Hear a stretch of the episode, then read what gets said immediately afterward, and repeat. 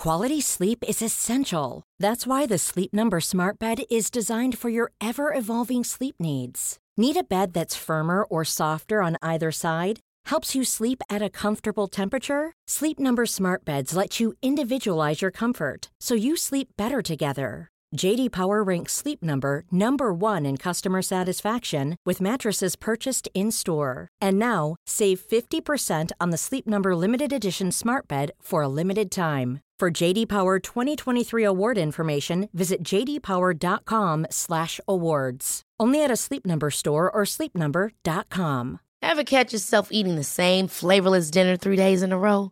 Dreaming of something better? Well, HelloFresh is your guilt-free dream come true, baby. It's me, Kiki Palmer. Let's wake up those taste buds with hot, juicy pecan-crusted chicken or garlic butter shrimp scampi. Mm. Hello Fresh. Stop dreaming of all the delicious possibilities and dig in at HelloFresh.com. Let's get this dinner party started. There's never been a faster or easier way to start your weight loss journey than with PlushCare. PlushCare accepts most insurance plans and gives you online access to board-certified physicians who can prescribe FDA-approved weight loss medications like Wigovi and Zepbound for those who qualify. Take charge of your health and speak with a board-certified physician about a weight loss plan that's right for you. Get started today at plushcare.com slash weight loss. That's plushcare.com slash weight loss. plushcare.com slash weight loss.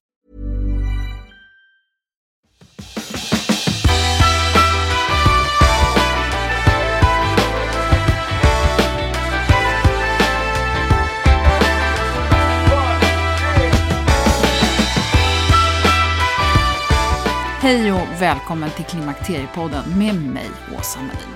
Nu kommer ett efterfrågat avsnitt, inte bara av många kvinnor som har män omkring sig, utan även av flera av de män som lyssnar.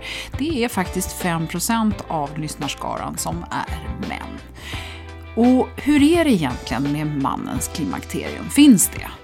Och så det här med hur mannen bibehåller sin hälsosamma testosteronnivå, manliga nattsvettningar, prostatacancer och mycket mer. Och är det så att gubbar blir sura och tanter blir arga när de blir äldre och har det med testosteron att göra? Ja, lyssna så får du veta allt. Jag är så glad att jag har med mig en av Sveriges mest framstående androloger, Stefan Arver. Så välkommen att lyssna. Intervjun är lite längre än vanligt, vilket jag hoppas att du tycker är väl värt det.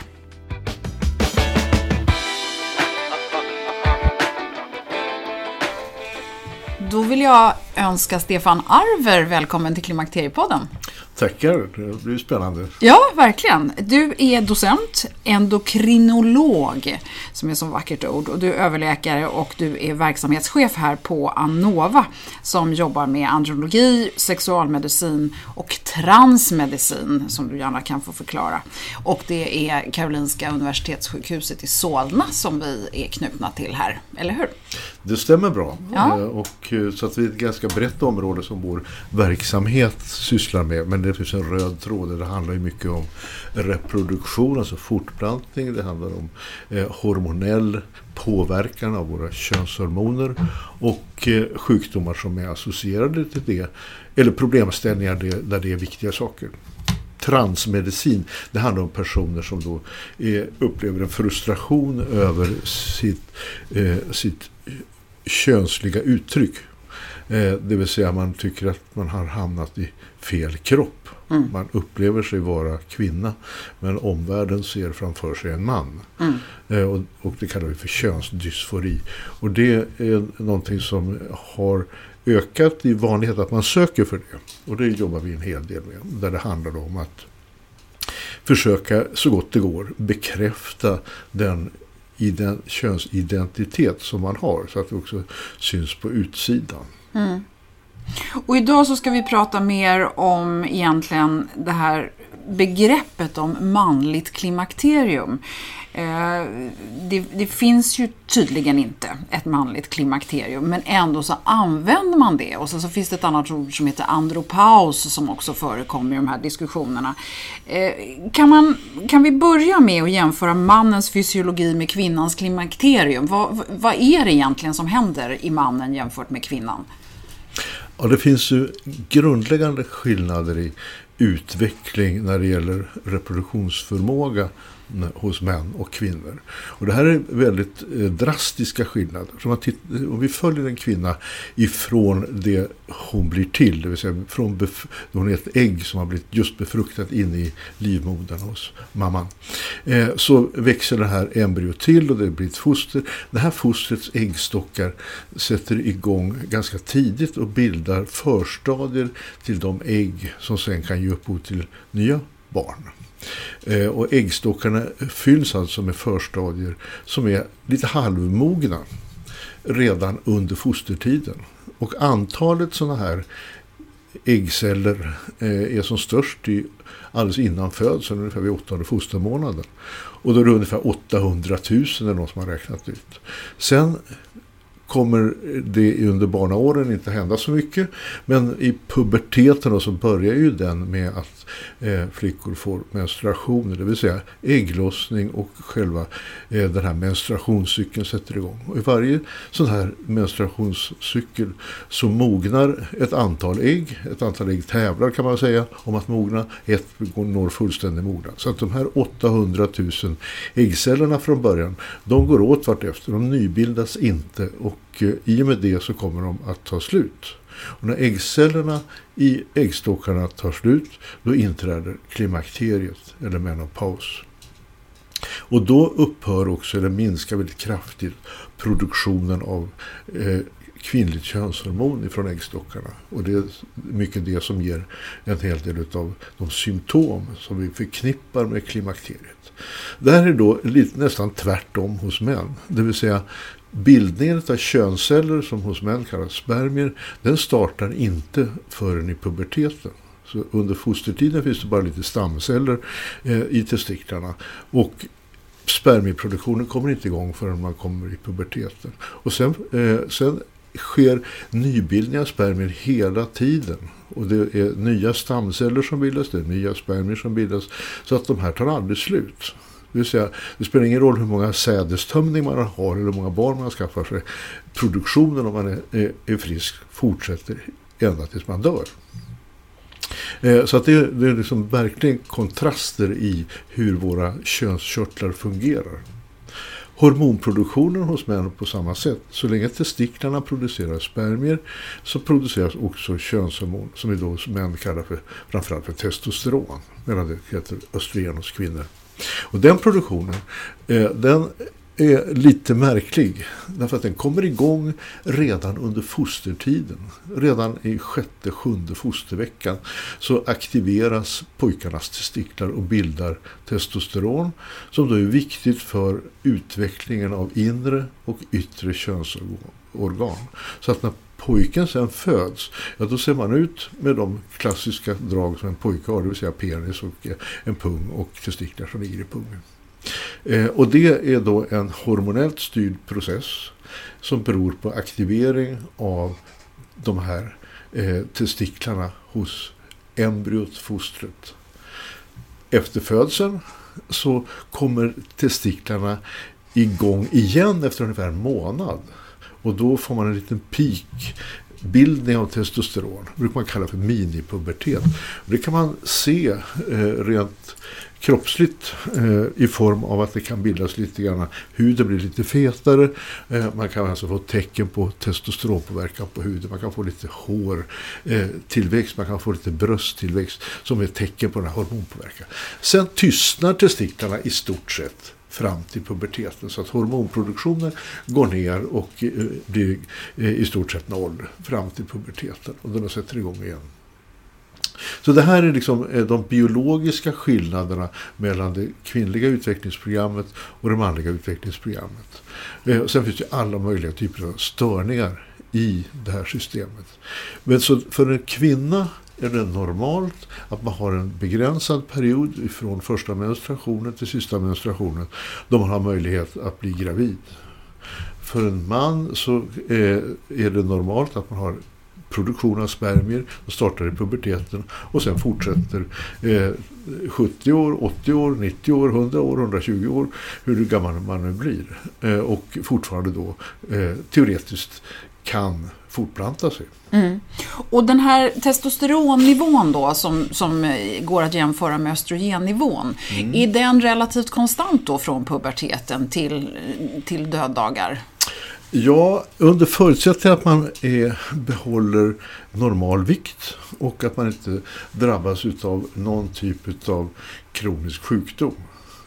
Eh, så är faktiskt hormonproduktionen och nivån av testosteron tämligen konstant ända upp i 70, 80, 90 års ålder hos friska normalviktiga män. Däremot om man drabbas av någon typ av kronisk sjukdom, ämnesomsättningssjukdom till exempel, som är vanligt, typ 2-diabetes, eller som är en stor riskfaktor, att man eh, drar på sig övervikt. Och med övervikten så eh, sker det en avstängning eller en, eh, en nedtryckning av produktionen av testosteron. Så det är den vanliga anledningen till att män har låga testosteronnivåer, att man helt enkelt är överviktig.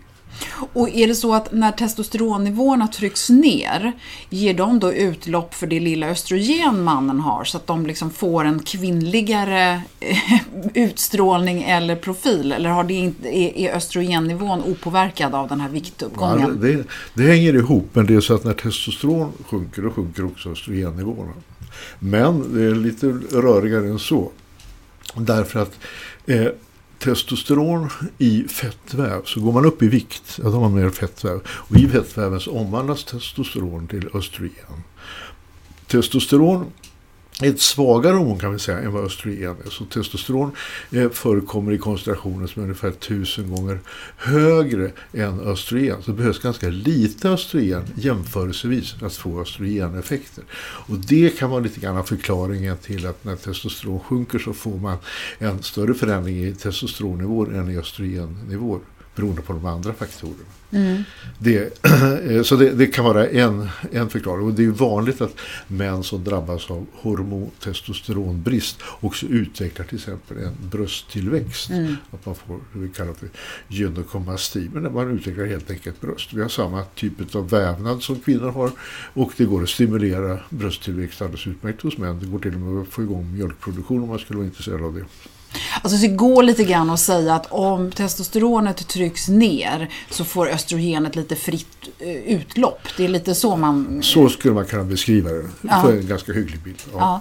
Och om vi kommer tillbaka till det här med, med eh, mannens förändring då under den här eh, livsperioden så så ser vi ju ändå, man pratar ju då om testosteronstinna tonåringar och sura gamla gubbar. Det finns ju liksom någon form av Eh, en, en, upplevelse av att mannen ändå förändras. Att mannen faktiskt också kommer in i, i, i en fas i livet eh, som då inträder någonstans. Eh, 40-årskriser är en sak, men sen så liksom lite senare då, 50-60, det är ju många kvinnor som då vittnar om att de tycker att deras män har förändrats lite grann och så. Finns det några belägg för, för att det här klimakteriet då inom citationstecken faktiskt finns?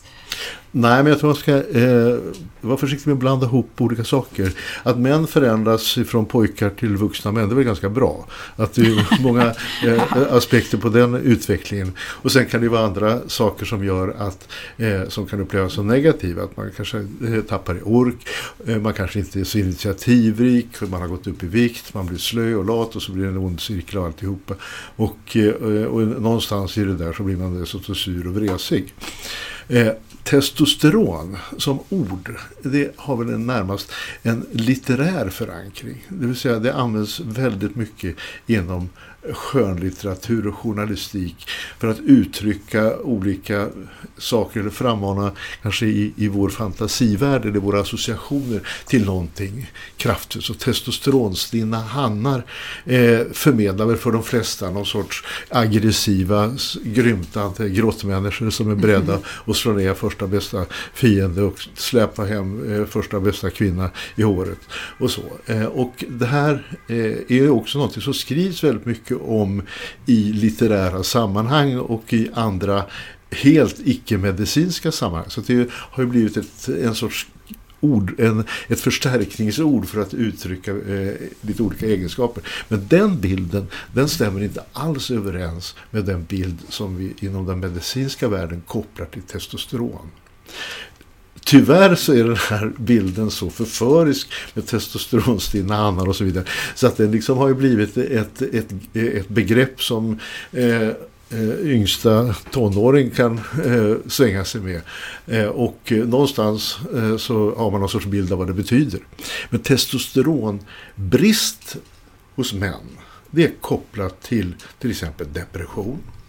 Det är kopplat till irritabilitet, aggressivitet. Det är man, har, man orkar inte och det är lätt att man eh, reagerar med aggressivitet, snarstuckenhet och så vidare. Det är hormonbristens ansikte. Det är inte män som har högre testosteronnivåer som är är aggressiva och eh, sura och gnälliga. Eh, och det finns heller inte någon koppling mellan testosteronnivåer och, och kriminalitet eller så. Så testosteron är, eh, och det vet vi ganska väl idag från olika studier på både män och kvinnor, att testosteron är ett märkligt hormon som också påverkar sinnesstämning. Det vill säga det har en, eh, när det är stämningsläge, en positiv effekt. Så män som har brist drabbas av depression, behandlar man med testosteron så försvinner depressionen. Så att det, det finns en, lite grann av en feel good effekt i att ha normala testosteronnivåer. Det ser man också, vilket inte är så förvånande, hos kvinnor som man har behandlat med testosteron av olika skäl. Att man också får ett genomslag i, eh, i stämningsläge och i eh, tolerans för eh, sådana irriterande saker som eh, trasiga tandkrämstuber på golvet när man kliver upp på morgonen och sådana där saker. Det vill säga irritabiliteten och, och eh, eh oros, tendensen till att oroa sig minskar. Så man, eh, testosteron är kopplat mycket till sexualitet men, men det är också andra saker. Men det här känns ju som att man inte pratar om alls. Utan Nej. då åker folk på SSRI-preparat. Och, ja. och, eh, alltså det, det, är inte alls, det här är inte alls min bild. Eh, det verkar som det finns en rädsla för testosteron. Det finns en, en fantastisk rädsla som eh, är, är svår att förstå. Det, alltså, testosteronbrist är ju inte konstigare än, än andra hormonbrister. Och, eh, diagnosen då, alltså kliniskt eh, påverkan av låga testosteronnivåer, det vi kallar för hypogonadism.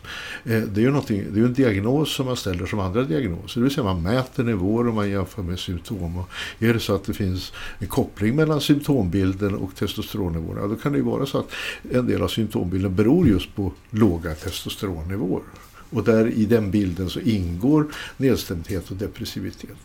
Men eh, det här blandas kanske ofta lite grann ihop. Så att man tänker sig att vi behandlar eh, depression, ja det ska vi behandla med testosteron. Eh, eller man har en förhoppning att, eh, att testosteronbehandling ska lösa mängder av saker. Men eh, om man inte gör en ordentlig symptomanalys och ställer en, eh, lägger ner lite energi på att ställa en, en riktig diagnos, ja då kommer ju behandlingen att bli fel.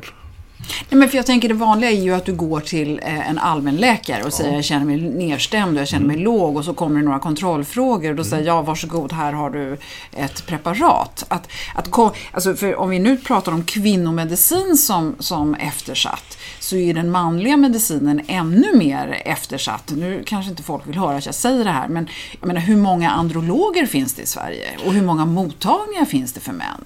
Ja, det är väldigt få. Ja. Och kunskapen om mäns eh, sjukdomar och varför män drabbas mer utav allvarliga sjukdomar och dör tidigare än kvinnor.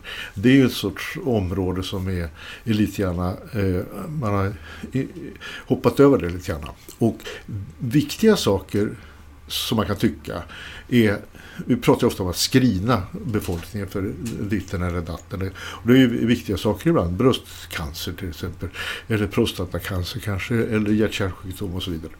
Eh, men eh, då, och då är det liksom eh, sjukvården som gör en insats. Man kallar folk till mottagning, man tar prover, man mäter och grejer och har sig. Men vi har en grupp män som tidigt visar symptom på att det är någonting som är fel. Som man överhuvudtaget inte, eller i mycket liten utsträckning, eh, ägnar sig åt eller, eller kopplar ihop med sjuklighet. Och det är män som har en nedsatt fruktsamhet. Det vill säga män som har svårt att få barn. Då vet vi att i den gruppen så har vi män som har en ökad sjuklighet, en ökad risk för att dö i förtid. Och det kopplat till då eh, fortplantningsförmågan, det vill säga testikelfunktionen, produktionen av spermier och eh, en del utav den eh, helheten eh, som skapar hälsa eller ohälsa.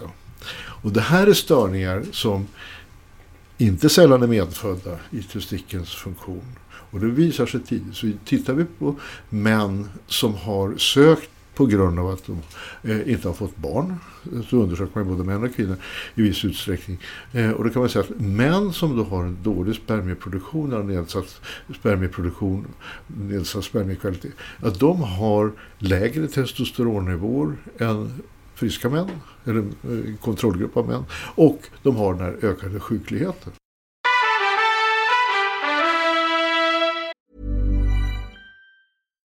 One size fits all seemed like a good idea for clothes. Nice dress. Uh, it's a it's a t-shirt.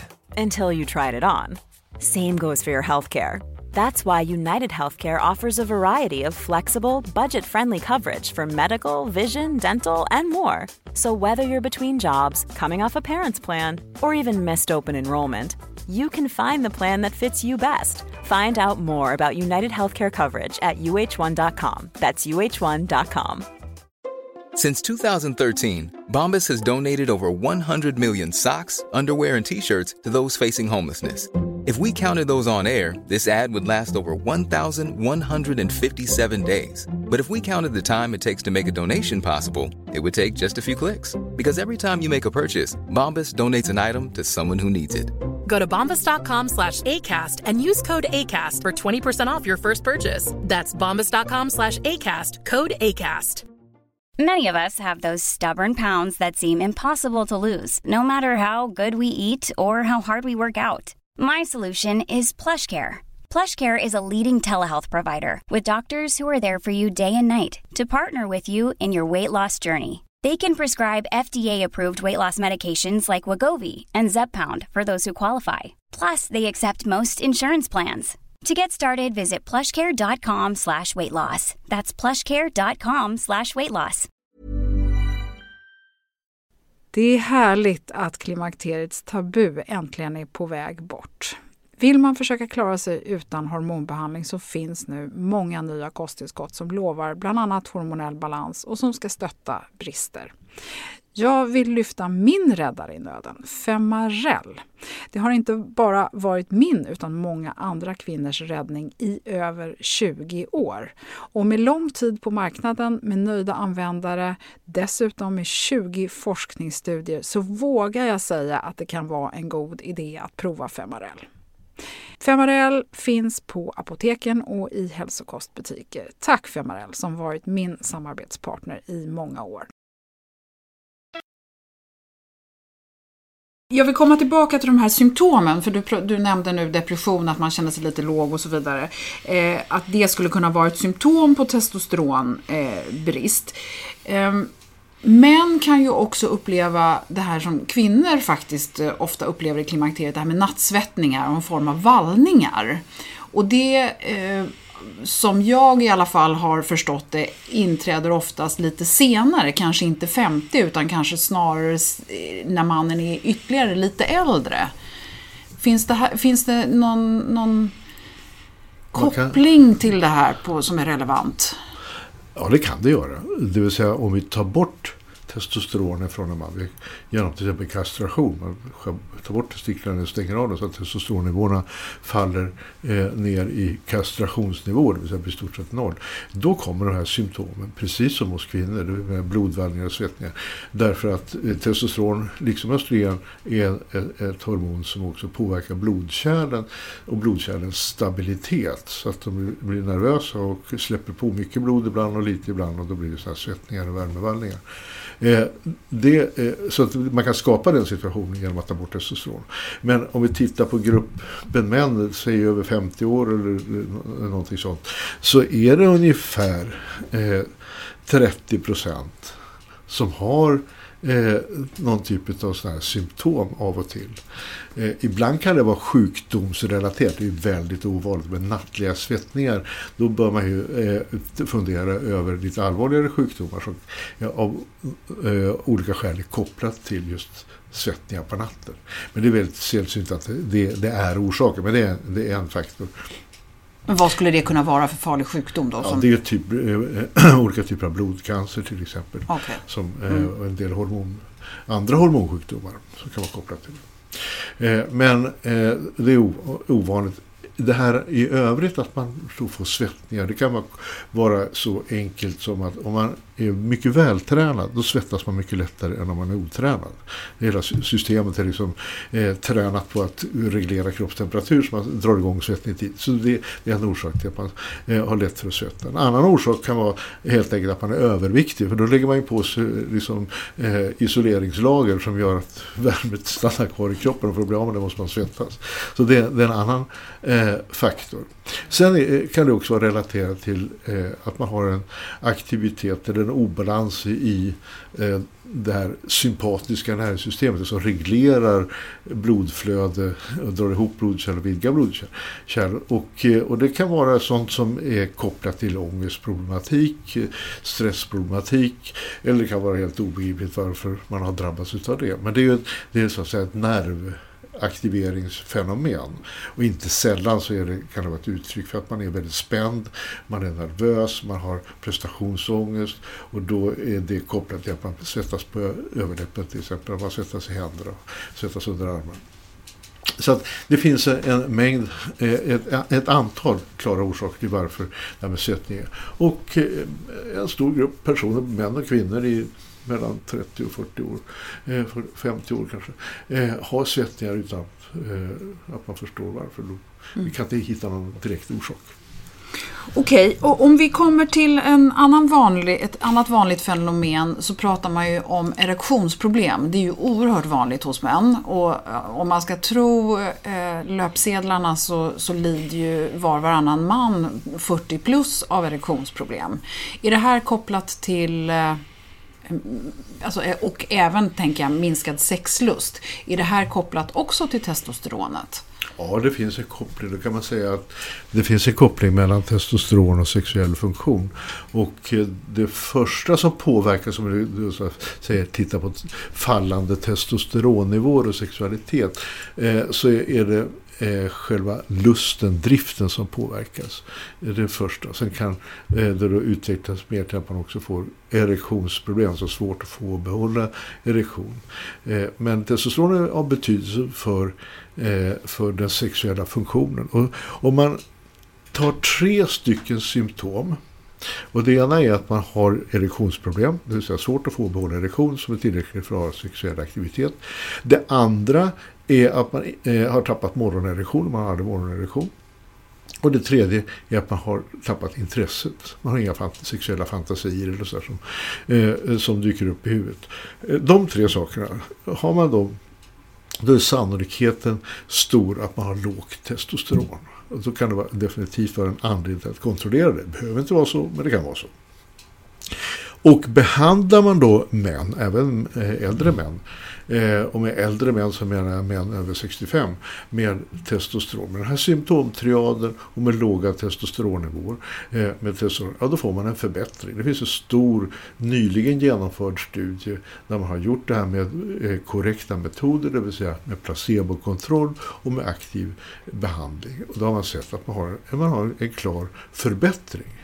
Sen vad den förbättringen betyder för den enskilde mannen, ja, det kan ju ingen annan avgöra än han själv, eh, möjligen hans, tillsammans med, med partner. Men att det blir en förbättring i olika skalor som vi kan mäta. Eh, så att det, eh, där är det eh, oomtvistligt på det sättet. När det gäller erektionsproblem så som män, eh, som du sa, var och varannan man har någon grad av erektionsproblem efter, efter 40 års eller 50 års ålder. Eh, så, eh, så, betyder det betyder inte att man aldrig kan få erektion. Det kan fungera ibland men det, det är en frustration därför det, det, det fungerar inte på ett sätt som eh, är, eh, är bra smidigt. Och då eh, är vi mer ute efter att falka efter andra orsaker och viktiga orsaker till att män tappar i sexualitet, både erektionsförmåga, lust och initiativ och så vidare. Eh, en viktig faktor det är faktiskt depression. Eh, och om man jämför olika risk riskfaktorer som vi brukar säga. Har man det så ökar risken så, så mycket. Och har, eh, hos män med depression så är det ungefär 16 gånger vanligare att man också har eh, eh, då en nedsatt sexuell funktion, det vill säga de, eh, nedsatt erektionsförmåga och bristande lust. Tittar vi på andra faktorer som typ 2-diabetes, hjärt-kärlsjukdom, ja, då ligger risken på någonstans kanske mellan 3 till 5 gånger ökad risk. Och det är också eh, vanligt. Så att, eh, vi hittar i gruppen män med erektionsproblem en hel del andra eh, bakgrundssjukdomar. Hormonbrist som enskild faktor i det här är relativt ovanligt. Så ungefär eh, en på tio, av tio män som har lågt testosteron så, som är huvudorsak till eh, nedsatt erektionsförmåga. Men så det är viktigt, ser vi då ifrån medicinsk synpunkt, att om man har drabbats av erektionsproblem, då ska man kontrollera och följa upp det med blodsocker blodfetter, blodtryck. Det är de vanligaste faktorerna som skapar erektionsproblem, alltså kärlproblem. Och sen så finns det då eh, ibland eh, lågt testosteron, men det är en ganska ovanlig orsak på det hela, på det hela taget. Men den här depressionen då? För då kommer vi ju tillbaka till där vi egentligen började. Där du sa att ofta så blir man lite låg om man har ja. en låg testosteronnivå. Vilket är hönan och vilket är ägget här nu? Om du får, får fart på, på lyckohormonet i kroppen genom att höja din serotoninnivå då med någon form av eh, lyckopiller. Ja. Eh, höjer du automatiskt testosteronet då? Eh, nej, det finns inga data som, eh, som visar det. Nej, så då, då, då är det ju ändå så. Då måste du ju undersöka, alltså att, att veta vad depressionens grund är känns ju som att ett testosteronvärde är jätteviktigt. Eh, har man, eh, kan man få det som en del i själva grundutredningen så man konstaterar att det är normalt eller inte normalt, ja då har man ju eh, ytterligare så att säga någonting att ta tag i. Sen är det så att det primära behandlingsmetoden för depression det är eh, antingen farmakologisk med antidepressiva eller med olika typer av kognitiva eh, beteendemodifierande program där man kan också uppnå förbättringar. Sen finns det då där testosteron är en, ytterligare en faktor som kan användas. Och, och då brukar vi säga så att ja, det, är, det är kanske inte det första man gör, kollar av testosteron, utan man går in i de här vanliga behandlingarna och man inte har någon speciell anledning till att titta på testosteronnivåer. Eh, och så behandlar man det. Funkar inte det, så ger det inte, då, då om inte förr så bör man kontrollera testosteronnivåer hos män. Mm. Okay. Men om man vet med sig att man har de här andra, den andra problematiken också, eh, kanske både de här nattsvettningarna, du har den här låga eh, erektionsförmågan, ingen sexuell lust och eh, du då dessutom känner dig nere, då låter det ju som att testosteron är eh, ett skäl. Ja, det, det, eh, absolut. Det kan vara eh, ett skäl. Sen kan vi då titta på andra saker. Vad är det som gör att vi får låg testosteron? Ja, det, det kan ju vara det här med infertilitet till exempel. Eller subfertilitet, nedsatt fertilitet. Det kan ju vara att man har haft en sjukdom som har gjort att någon testikel är skadad av till exempel man har haft testikelcancer, blivit opererad bort en testikel. Man kanske har haft eh, kolon, alltså tjocktarms eller ändtarmscancer och fått strålbehandling mot lilla bäckenet. Eh, sådana faktorer eh, ska man också ha med i, i, i, i bilden så att säga, när man bedömer helheten hos den här mannen. Så att erektionsproblem är ett symptom och det kan finnas bakgrundsfaktorer som är jätteviktiga att komma ihåg. Mm. Många män bär på sjukdomar eller en hög risk att utveckla sjukdomar som är okänd. Eh, och rent statistiskt så är det så att en man, om vi tar män i 40-årsåldern som har erektionsproblem och jämför dem med män som inte har erektionsproblem. Så följer vi den här gruppen och tittar hur det ser ut i 50-årsåldern. Och då är det ungefär fem gånger vanligare att mannen med, med erektionsproblem har fått en akut hjärthändelse under de här åren mellan 40 och 50 jämfört med man som inte har den, den problematiken. Så, så erektionsproblem är en markör för en ökad risk för hjärt-kärlsjukdom. Mm. Särskilt hos män i 40 till 50 års ålder. Mm. Okej. Okay. Eh, jag skulle också bara vilja eh, dra parallellen mellan när kvinnor som blir behandlade för eh, bröstca hormonell bröstcancer, där man då slår ut östrogenproduktionen. När en man eh, drabbas av prostatacancer eller han har förhöjda eh, PSA-värden som man då kallar det för. Mm. Va, och, och de behandlingseffekter som blir av en, en prostatacancer.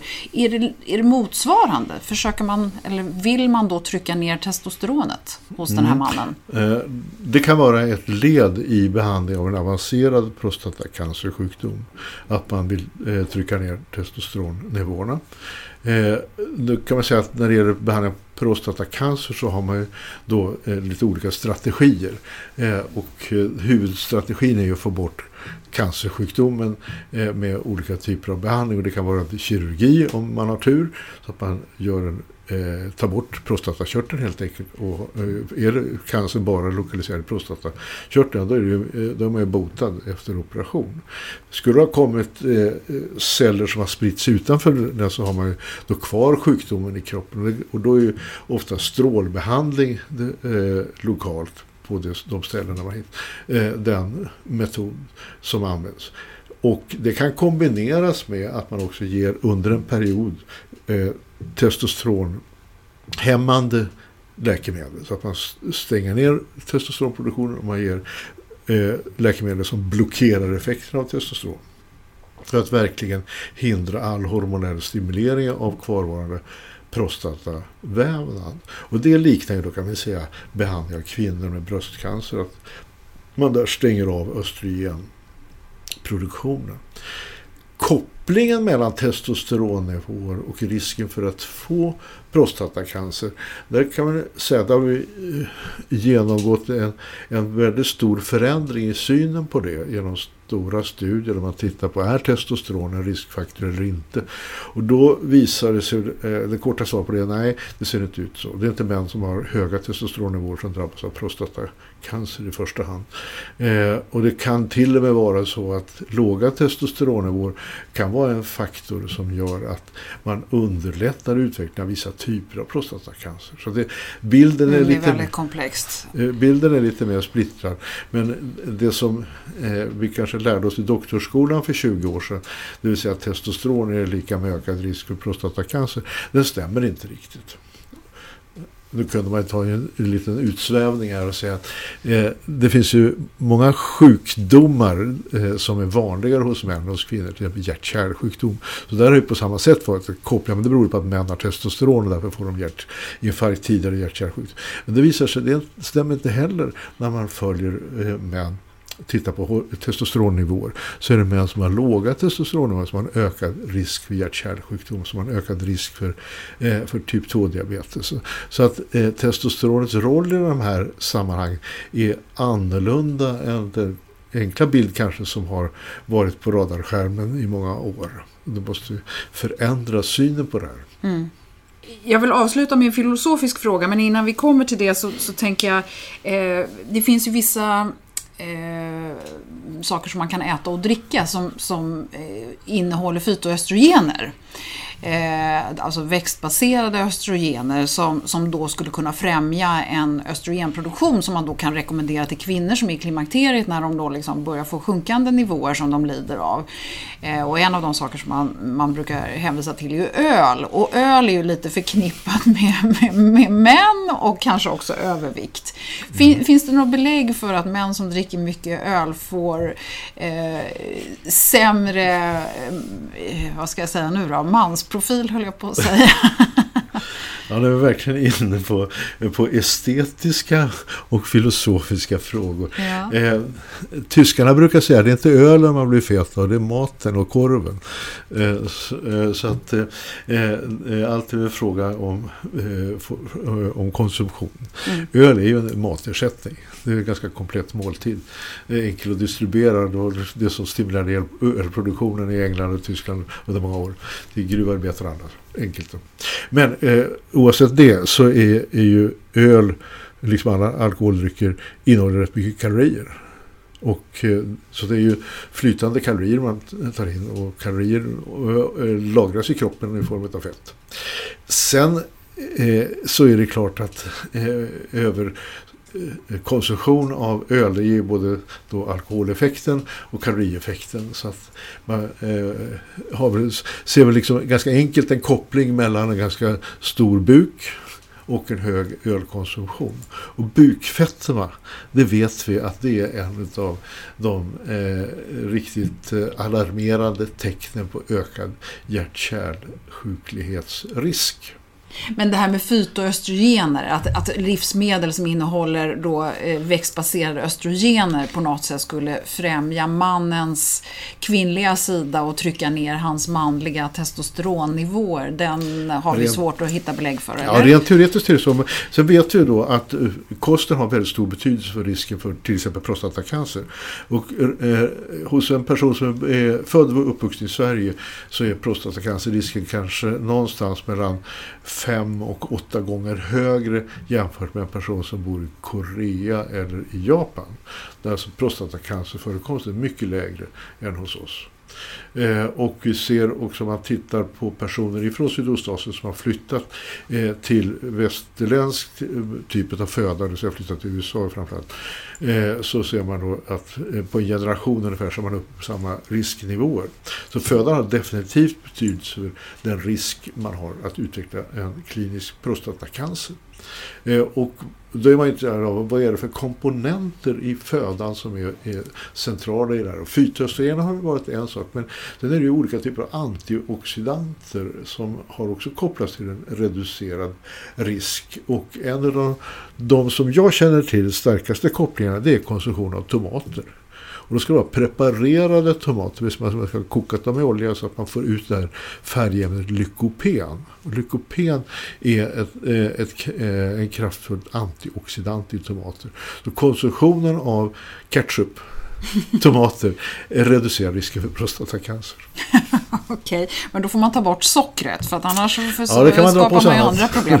Ja, okej. Okay. Sen, sen, bara absolut eh, slutligen så, så tänker jag det här med, med när, när, mannen och kvinnan då eh, blir mer och mer lika varandra. Kvinnan blir argsintare och mannen han blir lägre och, och med åren och, och, och, så vidare. Jag tänker så här, fin, finns det något belägg för det här med att män blir låga och sura och, och kvinnor blir handlingskraftigare och argsintare mm, med åren?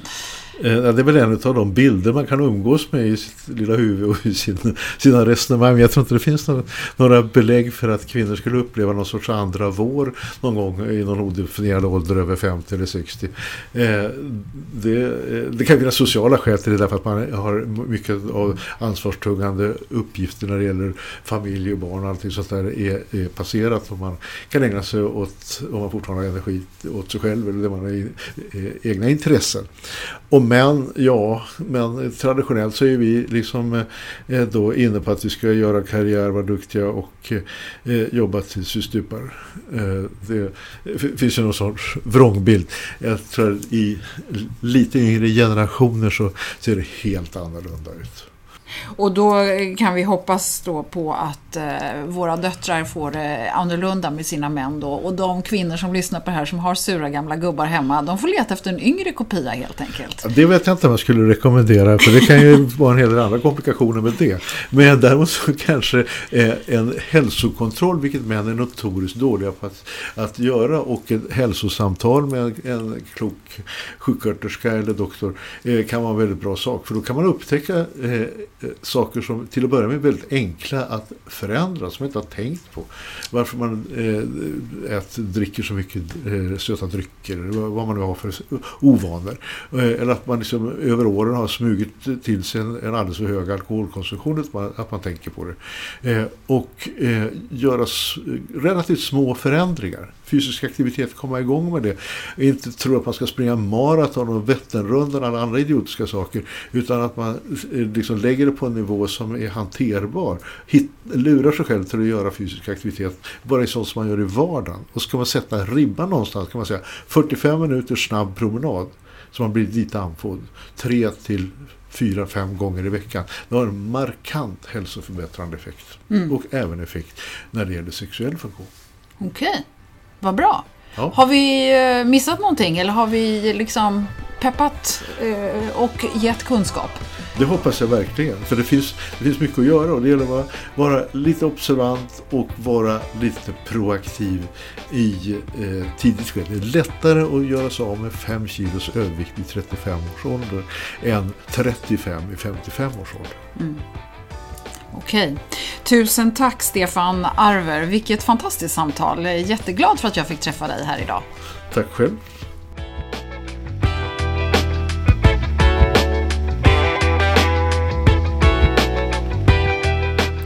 spännande tycker jag, så finns det ju anledning att ta reda på mer om testosteron och kvinnor. När mikrofonen var av så sa nämligen Stefan att det påverkar väldigt mycket humör och sexlust även för kvinnor.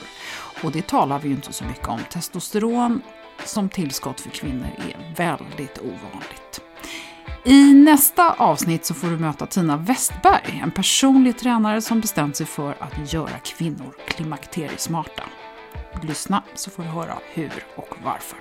Och som vanligt så finns det lite länkar och bilder på klimakteriepodden.se, Klimakteriepoddens Facebook och Instagram om du vill eh, läsa lite mer om det som är relevant för avsnittet.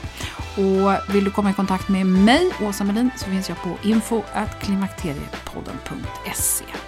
Tusen tack för att du har lyssnat och välkommen snart igen. Hej då!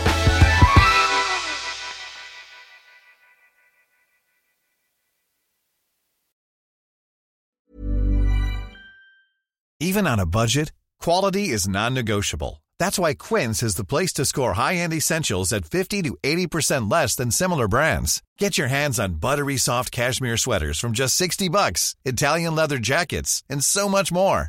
And the best part about Quince, they exclusively partner with factories committed to safe, ethical, and responsible manufacturing. Elevate your style without the elevated price tag with Quince. Go to quince.com slash upgrade for free shipping and 365-day returns. Ever catch yourself eating the same flavorless dinner three days in a row?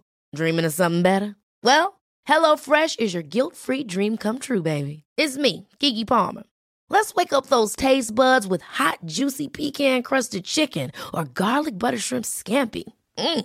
Hello Fresh. Stop dreaming of all the delicious possibilities and dig in at HelloFresh.com. Let's get this dinner party started. Hey, it's Paige DeSorbo from Giggly Squad. High quality fashion without the price tag? Say hello to Quince.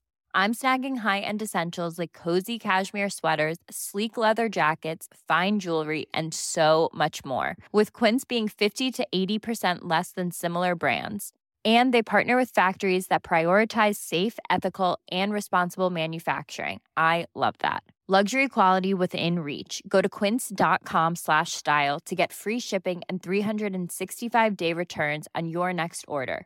quince.com slash style